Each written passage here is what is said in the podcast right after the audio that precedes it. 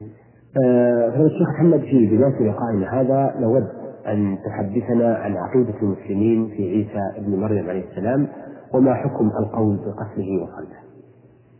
الحمد لله رب العالمين وأصلي وأسلم على نبينا محمد وعلى آله وأصحابه أجمعين. عقيدة المسلمين في عيسى ابن مريم عليه الصلاة والسلام أنه أحد الرسل الكرام بل أحد خمسة الذين هم أولو العزم وهم محمد صلى الله عليه وسلم وإبراهيم وموسى وعيسى ونوح عليهم الصلاة والسلام. ذكرهم الله تعالى في موضعين من كتابه. فقال في سورة الأحزاب وإذا أخذنا من النبيين ميثاقهم ومن نوح وإبراهيم وموسى وعيسى بن مريم وأخذنا منهم ميثاقا غليظا وقال في سورة الشورى شرع لكم من الدين ما وصى به نوحا والذي أوحينا إليك وما وصينا به إبراهيم وموسى وعيسى أن أقيموا الدين ولا تتفرقوا فيه. وأن عيسى عليه الصلاة والسلام بشر من بني آدم مخلوق من أم بلا أب وأنه عبد الله ورسوله. فهو عبد لا يعبد ورسول لا يكذب. وأنه ليس له من خصائص الربوبية شيء. بل هو كما قال الله تعالى إن هو إلا عبد أنعمنا عليه وجعلناه مثلا لبني إسرائيل.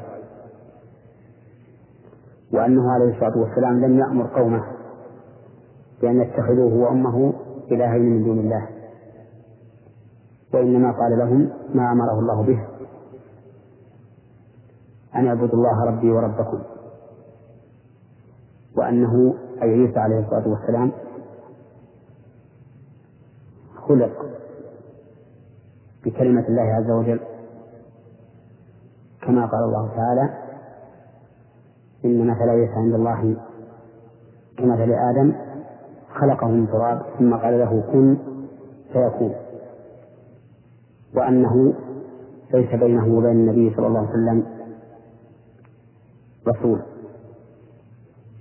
كما قال الله تعالى وإذ قال عيسى ابن مريم يا بني إسرائيل إني رسول الله إليكم مصدقا لما بين يدي من التوراة ومبشرا برسول يأتي من بعد اسمه أحمد. فلما جاءهم بالبينات قالوا هذا سحر مبين. ولا يتم إيمان أحد حتى يؤمن بأن عيسى عبد الله ورسوله وأنه مبرأ ومنزه عما وصفه به اليهود. الذين قالوا إنه ابن بغي وأنه نشأ من زنا والعياذ بالله وقد برأه الله تعالى من ذلك. كما أنهم أي المسلمين يتبرؤون من طريق النصارى الذين ظلوا في فهم الحقيقة بالنسبة إلى عيسى بن مريم حيث اتخذوه وأمه إلهين من دون الله. وقال بعضهم إن إنه ابن الله. وقال بعضهم إن الله ثالث ثلاثة. أما فيما يتعلق بقتله وصلبه فإن الله سبحانه وتعالى قد نفى أن يكون قتل أو صلب نفيا صريحا قاطعا. فقال عز وجل وما قتلوه وما صلبوه ولكن شبه لهم.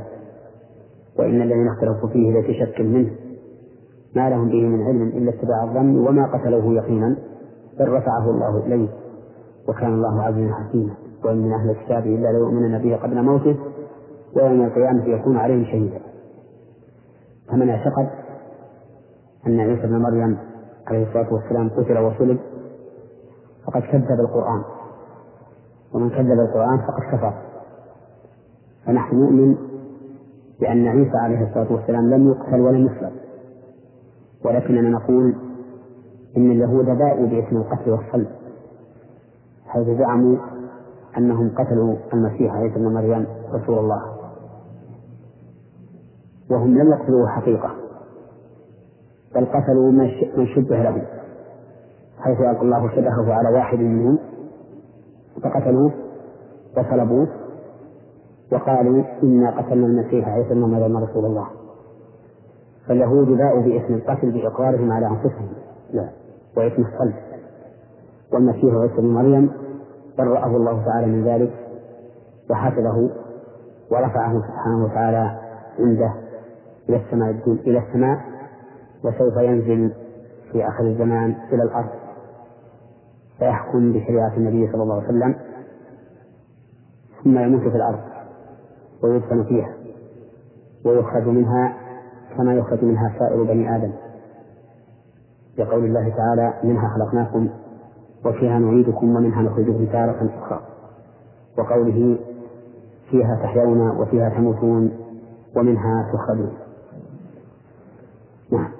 آه، أثابكم الله نريد أن نعرف إلى كم افترقت الأمة الإسلامية بعد نبيها محمد صلى الله عليه وسلم.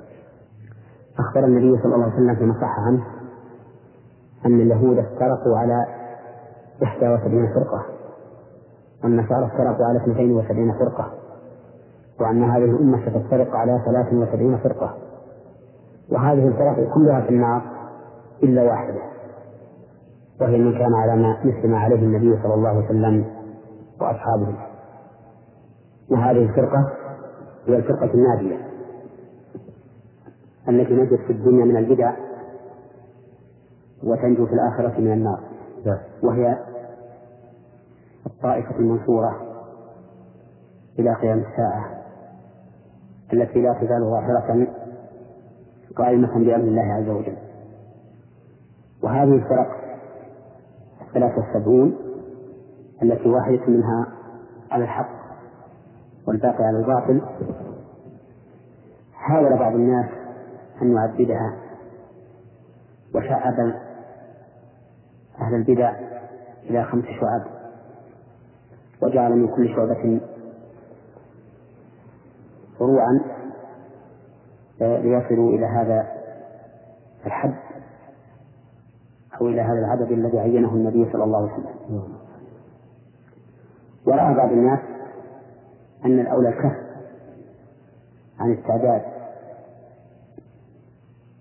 لأن هذه الفرق ليست وحدها هي التي ضلت بل قد ضل أناس ضلالا أكثر مما كانت عليه من قبل. وحدثت بعد أن كثرت هذه الفرق اثنتين وسبعين فرقة. وقالوا إن هذا العدد لا ينتهي ولا يمكن العلم بانتهائه إلا في آخر الوقت في آخر الزمان وعند قيام الساعة. فالأولى أن نجمل ما أجمله النبي صلى الله عليه وسلم ونقول هذه الأمة ستفترق على 73 فرقة. كلها في النار إلا واحدة.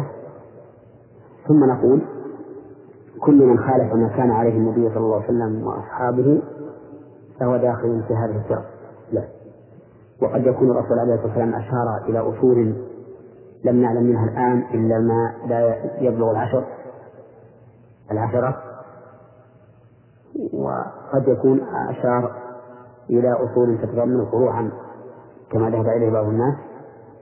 فالعلم عند الله عز وجل. لا. آه إذا آه، لعلنا في لقاءاتنا هذه نعرف الأمة الناجية آه من حيث الخصائص. فما هي أبرز خصائص الفرقة الناجية؟ أبرز خصائص الفرقة الناجية هي التمسك كما قال الرسول عليه والسلام بما كان عليه النبي عليه الصلاة والسلام في العقيدة والعبادة والأخلاق والمعاملة. هذه هذه الأمور الأربعة تجد الفرقة الناجية بارزة فيها. ففي العقيدة تجدها متمسكة بما دل عليه كتاب الله وسنة رسوله صلى الله عليه وسلم من التوحيد الخالص في ربوبية الله وألوهيته وأسمائه وصفاته. وفي العبادات تجد هذه الفرقة متميزة. في تمسكها التام وتطبيقها لما كان عليه النبي عليه الصلاة والسلام في العبادات في أجناسها وصفاتها وأقدارها وأزمنتها وأمكنتها وأسبابها. فلا تجد عندهم ابتداعا في دين الله بل هم متأدبون غاية الأدب مع الله ورسوله لا يتقدمون بين يدي الله ورسوله. في إدخال شيء من العبادات لم يأذن به الله عز وجل. تجدهم أيضا في الأخلاق متميزين عن غيرهم بحسن الأخلاق بمحبة الخير للمسلمين بانشراح الصدر بطلاقة الوجه بحسن المنطق إلى غير ذلك من مكارم الأخلاق ومحاسنها في المعاملات تجدهم يعاملون الناس بالصدق والبيان اللذين أشار إليهما النبي صلى الله عليه وسلم في قوله البيعان بالخيار ما لم يتفرقا فإن صدقا وبينا بورك لهما في بيعهما وإن كذبا وكتما محقت بركة بينهما فهذه الميزة والعلامة لأهل السنة والجماعة للفرقة الناجية التي كانت على ما كان عليه النبي صلى الله عليه وسلم. لا. نعم. لكن هل يلزم توافر أو تكامل هذه الخصائص في الأمور الأربعة التي العقيدة والعبادة والأخلاق والمعاملات دون نقص؟ آه وإذا نقصت تخرج أو يخرج الإنسان من خصائص أو يخرج من هذه الأمة الناجية أو الفرقة الناجية أم أن النقص لا يصف النقص من هذه لا يصفها عن كونها من من الفرقة الناجية؟ لا. لكن لكن لكل درجه لكل درجات مما عمل ربما في جانب التوحيد أو جانب البدع أو ربما يخرجها عن الفقه الناجية مثل أن آه، يدخل في عباداتها أو أن يكون الإخلال بالإخلاص. فقد يخرجها عن عن آه، هذه الفرقة الناجية. لا وكذلك في البدع. لكن في نقطة الأخلاق والمعاملات لا يخرجها من, أن تكون من الفقه الناجية. لا. نعم. أثابكم الله.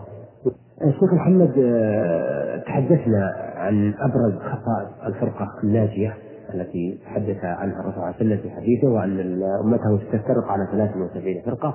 بعد أن عدد فرق اليهود والنصارى وذكرتم أبرز هذه الخصائص التي تتعلق بالعقيدة والعبادة والأخلاق والمعاملات فهل هناك إضافة حول خصائص هذه الفرقة الناجية؟ الحمد لله رب العالمين وأصلي وأسلم على نبينا محمد وعلى آله وأصحابه أجمعين.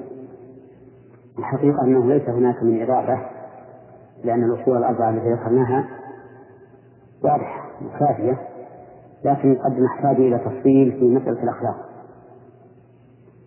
فإن من من أهم ما يكون الأخلاق اجتماع الكلمة والاتفاق على الحق الذي أوصانا الله به سبحانه وتعالى في قوله شرع لكم من الدين ما وصى به نوحا والذي أوحينا إليك وما وصينا به إبراهيم وموسى وعيسى أن أقيموا الدين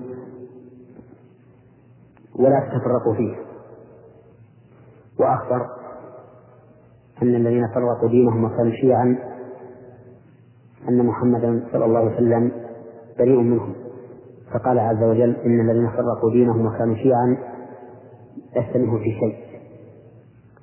فاتفاق الكلمة وائتلاف القلوب من أبرز خصائص الفرقة الناجية أهل السنة والجماعة. فهم أعني الفرقة الناجية إذا حصل بينهم خلاف ناشئ عن الاجتهاد في الأمور الاجتهادية لا يحمل بعضهم على بعض حقدا ولا عداوة ولا بغضاء بل يعتقدون أنهم إخوة حتى وإن حصل بينهم هذا الخلاف. حتى إن الواحد منهم لا يصلي خلف الشخص يعتقد المأموم أنه ليس على وضوء ويعتقد الإمام أنه على وضوء. مثل أن أن الواحد منهم يصلي خلف شخص أكل لحم إبل وهذا الإمام يعتقد أنه لا ينقض الوضوء والمأمون يعتقد أنه ينقض الوضوء. فيرى أن الصلاة خلف ذلك الإمام صحيحة. وإن كان هو لو صلاها لنفسه لرأى أن صلاته غير صحيحة. كل هذا لأنهم يرون أن خلاف الناس الناشئ عن اجتهاد فيما شرح الاجتهاد ليس في الحقيقة بخلاف. لأن كل من المختلفين قد قد تبع ما يجب عليهم اتباعه. من الدليل الذي لا يجوز له العدول عنه فهم يرون أن أن أخاهم إذا خالفهم في عمل ما اتباعا للدليل هو في الحقيقة قد وافقهم لأنهم هم يدعون إلى اتباع الدليل أينما كان. فإذا خالفهم موافقة للدليل عنده فهو في الحقيقة قد وافقهم. لأنهم لأنه تمشى على ما يدعون إليه ويهدفون إليه من تحكيم كتاب الله وسنة رسوله صلى الله عليه وسلم. ولا يخفى على كثير من من أهل العلم. ما حصل من الخلاف بين الصحابة في مثل هذه الأمور حتى في عهد نبيهم صلى الله عليه وسلم ولم يعنف أحدا منهم. فإنه عليه الصلاة والسلام لما رجع من غزوة الأحزاب وجاءه جبريل وأشار إليه أن يخرج إلى بني قريظة الذين نقضوا العهد. ندب النبي صلى الله عليه وسلم أصحابه فقال لا يصلين أحد منكم العصر إلا في بني قريظة. فخرجوا من المدينة إلى بني قريظة وأرهقتهم صلاة العصر. فمنهم من أخر صلاة العصر حتى وصل إلى بني قريظة بعد فوت الوقت ولم يصلي إلا بعد غروب الشمس. لأن النبي صلى الله عليه وسلم قال لا يصلين أحد العصر إلا في بني قريظة. ومنهم من صلى الصلاة لوقتها وقال إن الرسول صلى الله عليه وسلم أراد منا المبادرة إلى الخروج ولم يرد منا أن نؤخر الصلاة عن وقتها. وهؤلاء هم المسلمون. لكن مع ذلك لم يعنف النبي صلى الله عليه وسلم واحدا من الطائفتين أو واحدة من الطائفتين ولم يحمل كل واحد مع الآخر عداوة أو بغضاء بسبب اختلافهم في فهم هذا النص لذلك أرى أن من الواجب على المسلمين الذين ينتسبون إلى السنة أن يكونوا أمة واحدة وأن لا يحصل بينهم تحزب. هذا ينتمي إلى طائفة ما والآخر إلى طائفة أخرى والثالث إلى طائفة ثالثة وهكذا بحيث يتناحرون فيما بينهم بأسنة الألسن ويتعادون ويتبغضون من أجل اختلاف يسوغ فيه الاجتهاد. ولا حاجة إلى أن أنص على كل طائفة بعينها ولكن العاقل يفهم ويتبين له الأمر. فأرى أنه يجب على أهل السنة والجماعة أن يتحدوا حتى وإن اختلفوا فيما يختلفون فيه مما تقتضيه النصوص حسب أفهامهم فإن هذا أمر فيه سعة ولله الحمد والمهم اختلاف القلوب واتحاد الكلمة. ولا ريب أن أعداء المسلمين يحبون من المسلمين أن يتفرقوا سواء كانوا أعداء يصرحون بالعداوة أو أعداء يتظاهرون بالولاية للمسلمين أو للإسلام وهم ليسوا كذلك. فالواجب أن نتميز بهذه الميزة التي هي ميزة الطائفة الناجية وهي الاتفاق على كلمة واحدة. نعم نعم سبق الله. آه شيخ محمد آه لا شك أن التوسل آه موجود الآن في بين المسلمين وفي أوطانهم. لكن في برنامجنا هذا الذي آه بدأناه بالحديث عن أصول الدين نود أن نعرف التوسل الصحيح والتوسل الباطل. نعم. التوسل مصدر توسل يتوسل إذا اتخذ وسيلة توصله إلى مقصوده. فأصله طلب الوصول إلى الغاية المقصودة وينقسم إلى قسمين قسم صحيح. وهو التوسل بالوسيلة الصحيحة الموصلة إلى المقصود. وقسم غير صحيح وهو التوسل بوسيلة لا توصل إلى المقصود. فأما الأول وهو التوسل بالوسيلة الموصلة إلى المقصود فإنه أنواع. منها التوسل بأسماء الله وصفاته سواء كان ذلك على سبيل العموم أو على سبيل الخصوص. مثاله على سبيل العموم ما جاء في حديث عبد الله بن مسعود رضي الله عنه في دعاء الكرب والغم الهم والغم قال اللهم إني عبدك ابن عبدك ابن عمتك ناصيتي بيدك ماض في حكمك عدل في قضاؤك. أسألك اللهم بكل اسم هو لك سميت به نفسك أو أنزلته في كتابك أو علمته أحد من خلقك أو استأثرت به في علم الغيب عندك. أن تجعل القرآن العظيم ربيع قلبي إلى آخره. فهنا توسل. بأسماء الله تعالى على سبيل العموم أسألك بكل اسم هو لك. سميت به نفسك.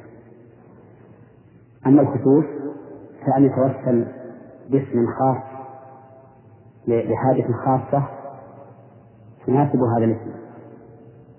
مثل ما جاء في حديث أبي بكر رضي الله عنه حيث طلب من النبي صلى الله عليه وسلم دعاء يدعو به في صلاته فقال قل اللهم إني ظلمت نفسي ظلما كثيرا ولا أغفر الذنوب إلا أنت فاغفر لي مغفرة من عندك وارحمني. إنك أنت الغفور الرحيم. فطلب المغفرة والرحمة وتوسل إلى الله تعالى باسمين من أسمائه مناسبين للمطلوب فقال إنك أنت الغفور الرحيم. وهذا النوع من التوسل داخل في قوله تعالى ولله الأسماء الحسنى فادعوه بها. فإن الدعاء هنا يشمل دعاء المسألة ودعاء العبادة. أما التوسل إلى الله تعالى بصفاته فهو أيضا كالتوسل بأسمائه يكون عاما وخاصا. أما الآن فأن تقول اللهم إني أسألك بأسمائك الحسنى وصفاتك العليا ثم تذكر مطلوبك. وأما الخاص فأن تتوسل إلى الله تعالى بصفة معينة خاصة لمطلوب خاص مثل قوله مثل ما جاء في الحديث اللهم اللهم بعلمك الغيب وقدرتك على الخلق أحيني إذا علمت الحياة خيرا لي وتوفني إذا علمت الوفاة خيرا. فهنا توسل الله تعالى بصفة العلم والقدرة بعلمك الغيب وقدرتك على الخلق. هذا نوع. لا النوع الثاني أن يتوسل الإنسان إلى الله عز وجل بالإيمان به وبرسوله. فيقول اللهم إني آمنت بك وبرسولك فاغفر لي أو فوفقني. أو يقول اللهم بإيماني بك وبرسولك أسألك كذا وكذا. ومنه قوله تعالى إن في خلق السماوات والأرض واختلاف الليل والنهار لآيات لأولي الألباب الذين يذكرون الله قياما وقعودا وعلى جنوبهم إلى قوله ربنا إننا سمعنا مناديا ينادي الإيمان أن آمنوا بربكم فآمنا ربنا فاغفر لنا ذنوبنا. وكفر عنا سيئاتنا وتوفنا مع الأبرار. فتوسل إلى الله تعالى بالإيمان به أن يغفر لهم الذنوب ويكفر عنهم السيئات ويتوفاهم مع الأبرار.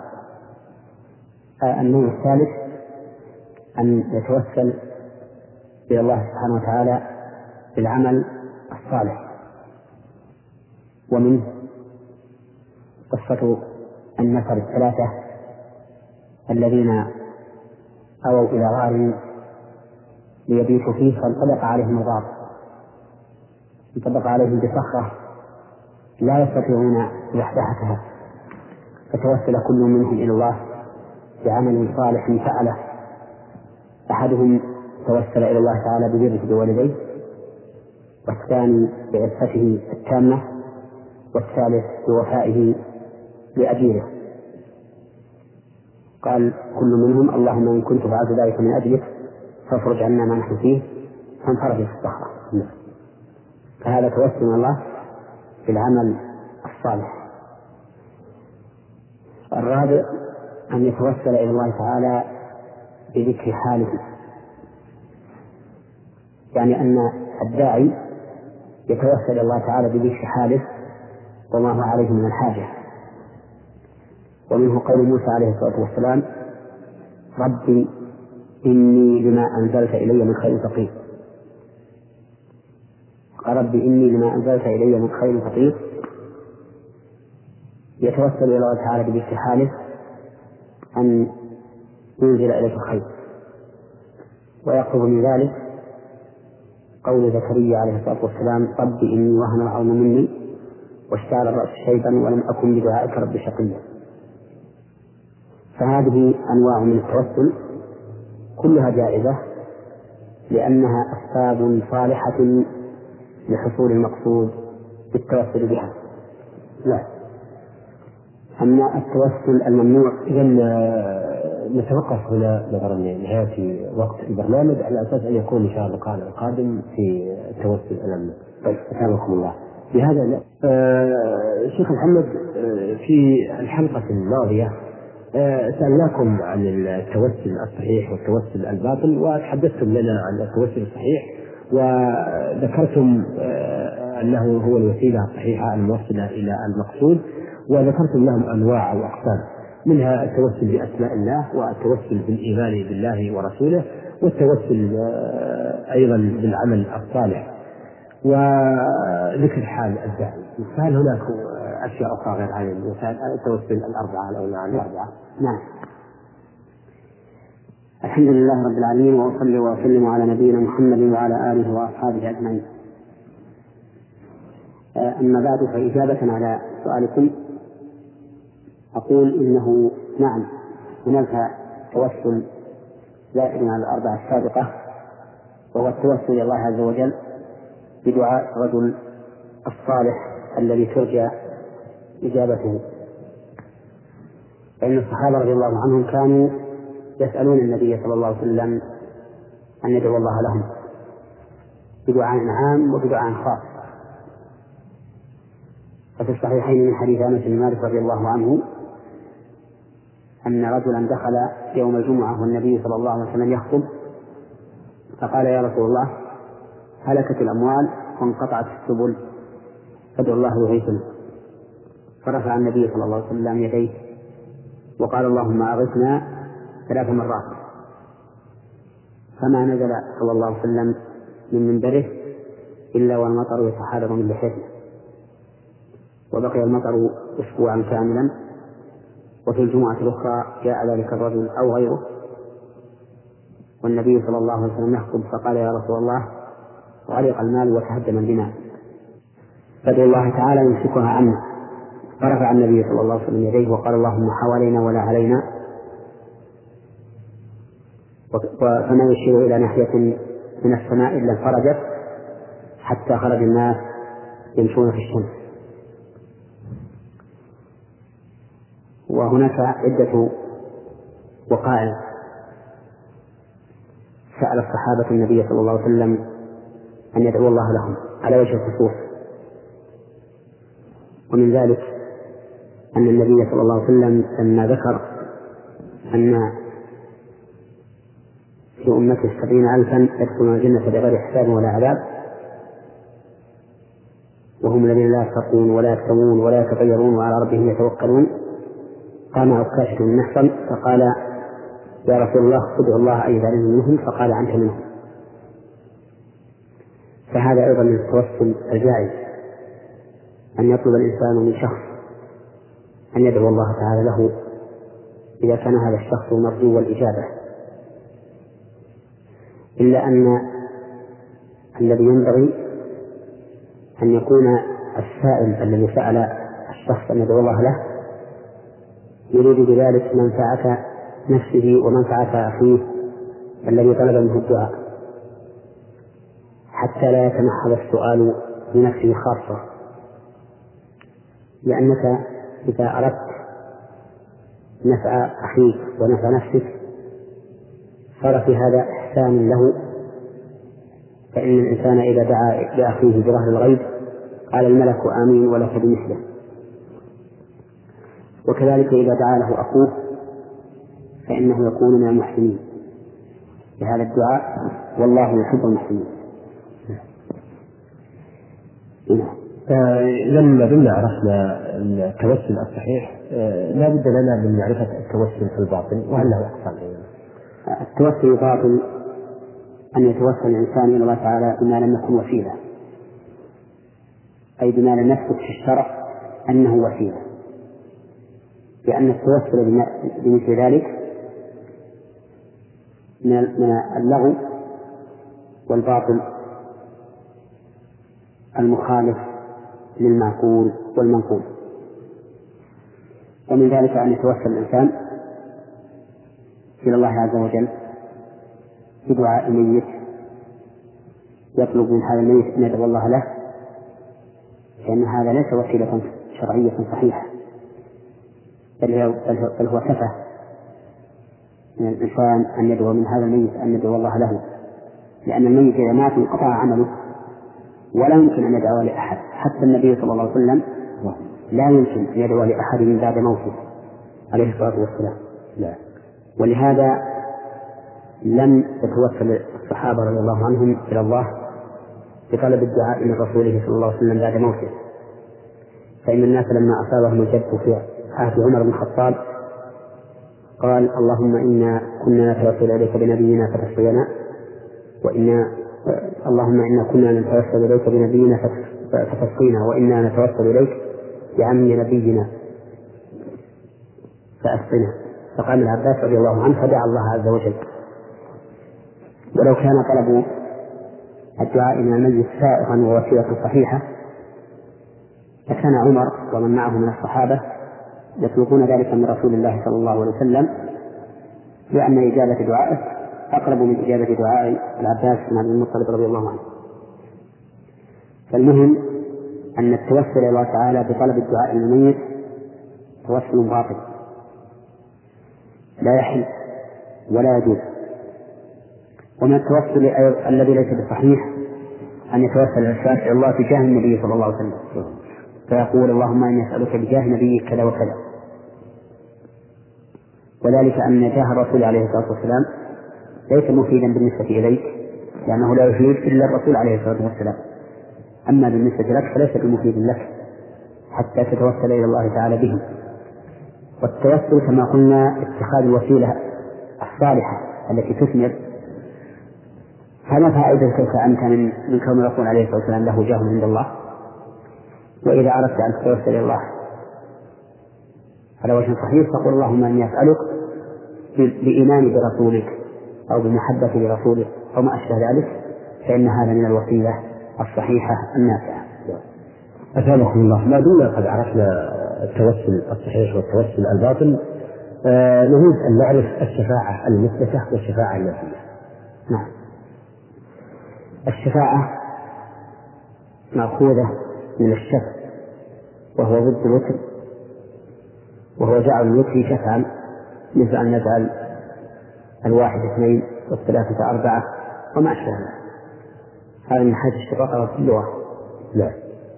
أما معناها فهي التوسط للغير بجلب منفعة أو دفع مضرة. يعني أن يقوم الشافع بين المشفوع إليه والمشفوع له واسطة ليجلب منفعة إلى المشفوع له أو يدفع عنه مضرة. لا. والشفاعة نوعان. شفاعة ثابتة صحيحة وشفاعة باطلة لا تنفع أصحابها أما الشفاعة الثابتة الصحيحة فهي التي أثبتها الله تعالى في السادس وأثبتها رسوله صلى الله عليه وسلم ولا تكون إلا لأهل التوحيد والإخلاص. لأن أبا هريرة رضي الله عنه قال يا رسول الله من أسعد الناس بشفاعتك قال من قال لا إله إلا الله خالصا من قلبه. وهذه الشفاعة لها شروط ثلاثة. الشرط الأول رضا الله عن الشافع. والشرط الثاني رضا الله عن المشفوع له. والشرط الثالث إذن الله تعالى للشافع أن يشفع. وهذه الشروط مجموعة في قوله تعالى وكم من ملك في السماوات لا تغني شفاعتهم شيئا إلا من بعد أن يأذن الله لمن يشاء ويرضى. ومفصلة في قوله تعالى من ذا الذي يشفع عنده إلا بإذنه. مفصلة في قوله تعالى من ذا الذي يشفع عنده إلا بإذنه. لا. وفي قوله تعالى يومئذ لا تنفع الشفاعة إلا من أذن له الرحمن ورضي له قوله وقوله ولا يشفعون إلا لمن ارتضى فلا بد من هذه الشروط الثلاثة حتى تتحقق الشفاعة. وبناء على ذلك نعرف النوع الثاني وهي الشفاعة الباطلة التي لا تنفع أصحابها وهي ما يدعيه المشركون من شفاعة آلهتهم لهم عند الله عز وجل. فإن هذه الشفاعة لا تنفعهم. كما قال الله تعالى فما تنفعهم شفاعة الشافعين وذلك لأن الله تعالى لا يرضى لهؤلاء المشركين شركهم. ولا يمكن أن يأذن بالشفاعة لهم. لأنه لا شفاعة إلا لمن يرضاه الله عز وجل. والله عز وجل لا يرضى لعباده الكفر ولا يحب الفساد. فتعلق المشركين بآلهتهم يعبدونها ويقولون هؤلاء شفعاؤنا عند الله تعلق باطل غير نافع.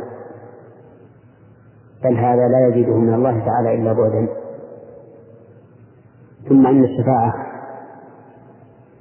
الثالثة النافعة ذكر العلماء رحمهم الله أنها تنقسم إلى قسمين. عامة وخاصة. ومعنى العموم أن الله سبحانه وتعالى يأذن لمن شاء من عباده الصالحين أن يشفعوا لمن أذن الله لهم بالشفاعة فيهم. والخاصة التي تختص بالنبي صلى الله عليه وسلم وأعظمها الشفاعة العظمى التي تكون يوم القيامة. حين يلحق الناس من الغم والكرب ما لا يطيقون فيطلبون من يشفع لهم إلى الله عز وجل أن يريحهم من هذا الموقف العظيم فيذهبون إلى آدم ثم إلى نوح ثم إلى إبراهيم ثم إلى موسى ثم إلى عيسى وكلهم لا يشفع حتى تنتهي إلى النبي صلى الله عليه وسلم فيقوم ويشفع عند الله عز وجل أن يخلص عباده من هذا الموقف العظيم فيجيب الله تعالى دعاءه ويقبل شفاعته. وهذا من المقام المحمود الذي وعده الله تعالى به في قوله ومن الليل فتهجد فيه نافلة لك عسى أن يبارك ربك مقاما محمودا. ومن الشفاعة الخاصة بالرسول صلى الله عليه وسلم شفاعته في أهل الجنة أن يدخلوا الجنة. فإن أهل الجنة أهل الجنة إذا عبروا الصراط وقفوا على قنطرة بين الجنة والنار فتمحص قلوبهم بعضهم من بعض. حتى يهذبوا وينقوا ثم يؤذن لهم في دخول الجنة ولكن لا يدخلونها إلا بعد شفاعة النبي صلى الله عليه وسلم إلى الله عز وجل أن يدخلوا الجنة فتفتح أبواب الجنة بشفاعة النبي صلى الله عليه وسلم. وأما الشفاعة العامة له ولغيره من عباد الله الصالحين فهي أن يشفع في أهل النار من المؤمنين أي من عصاة المؤمنين الذين لا يستحقون خلود في النار يشفع فيهم أن يخرجوا من النار وهذه الشفاعة ثابتة له ولغيره من النبيين والصديقين والشهداء والصالحين. نعم. شكرا أثابكم الله. شيخ محمد نود في بداية لقائنا هذا أن نعرف عقيدة السلف القرآن الكريم. الحمد لله رب العالمين وصلي وسلم على نبينا محمد خاتم النبيين وعلى آله وأصحابه أجمعين. عقيدة السلف في القرآن الكريم كعقيدتهم في سائر صفات الله تعالى وأسمائه وهي عقيدة مبنية على ما دل عليه كتاب الله وسنة رسوله صلى الله عليه وسلم وكلنا يعلم أن الله سبحانه وتعالى وصف القرآن الكريم بأنه كلامه وأنه منزل من عنده. فقال جل وعلا وإن أحد من المشركين استجارك فأجبه حتى يسمع كلام الله ثم أبلغه مأمنه والمراد بلا ريب بكلام الله هنا القرآن الكريم القرآن الكريم. وقال تعالى إن هذا القرآن يقص على بني إسرائيل أكثر الذين هم فيه يختلفون فالقرآن كلام الله تعالى لفظا ومعنى. تكلم به حقيقة وألقاه إلى جبريل الأمين ثم نزل به جبريل على قلب النبي صلى الله عليه وسلم ليكون من المنذرين بلسان عربي مبين. ويعتقد ويعتقد السلف أن القرآن منزل نزله الله عز وجل على محمد صلى الله عليه وسلم منجما في ثلاث وعشرين سنة. حسب ما تقتضيه حكمة الله عز وجل. ثم إن نزوله يكون ابتدائيا ويكون سببيا. بمعنى أن بعضه ينزل لسبب معين اقتضى نزوله وبعضه ينزل بغير سبب. وبعضه ينزل في حكاية حال مضت للنبي صلى الله عليه وسلم وأصحابه وبعضه ينزل في أحكام شرعية ابتدائية على حسب ما ذكره أهل العلم في هذا الباب. ثم إن أهل السلف يقولون ثم إن السلف يقولون إن القرآن من عند الله عز وجل. ابتداء وإليه يعود في آخر الزمان. هذا هو قول السلف في القرآن الكريم.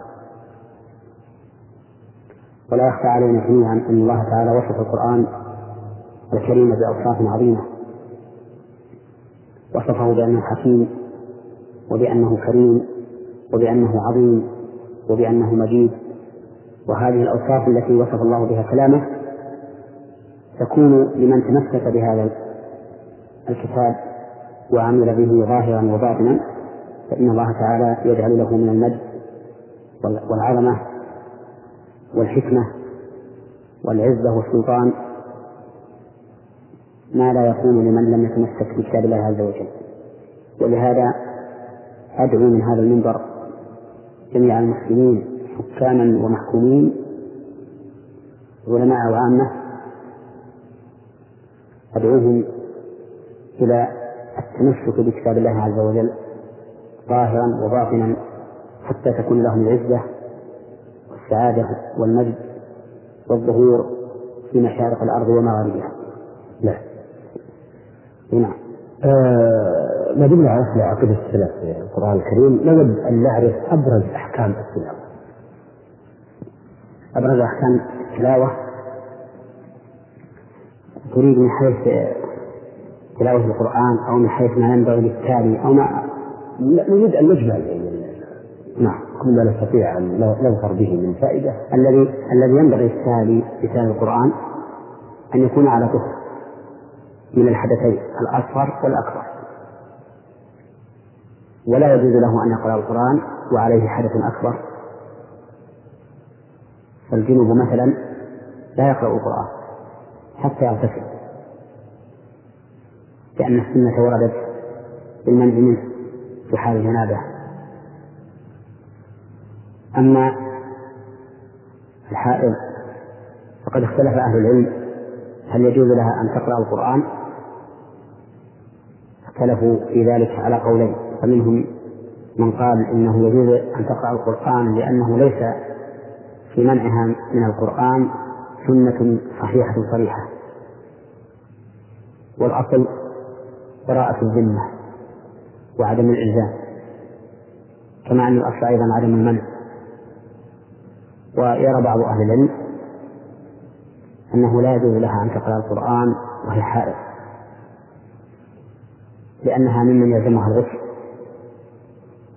فهي كالجنوب ولأنه روي عن النبي صلى الله عليه وسلم في ذلك أحاديث تدل على المنع. والذي أرى في هذه المسألة أنها لا تقرأ القرآن إذا كان غرضها بذلك مجرد التلاوة أما إذا كانت تريد أن تقرأ القرآن لحاجة تخشى نسيانه مثلا أو تقرئه أبنائها أو بناتها أو الطالبات أو تكون طالبة تريد أن تقرأه لإسماع المدرسة فإن هذا لا بأس به للحاجة.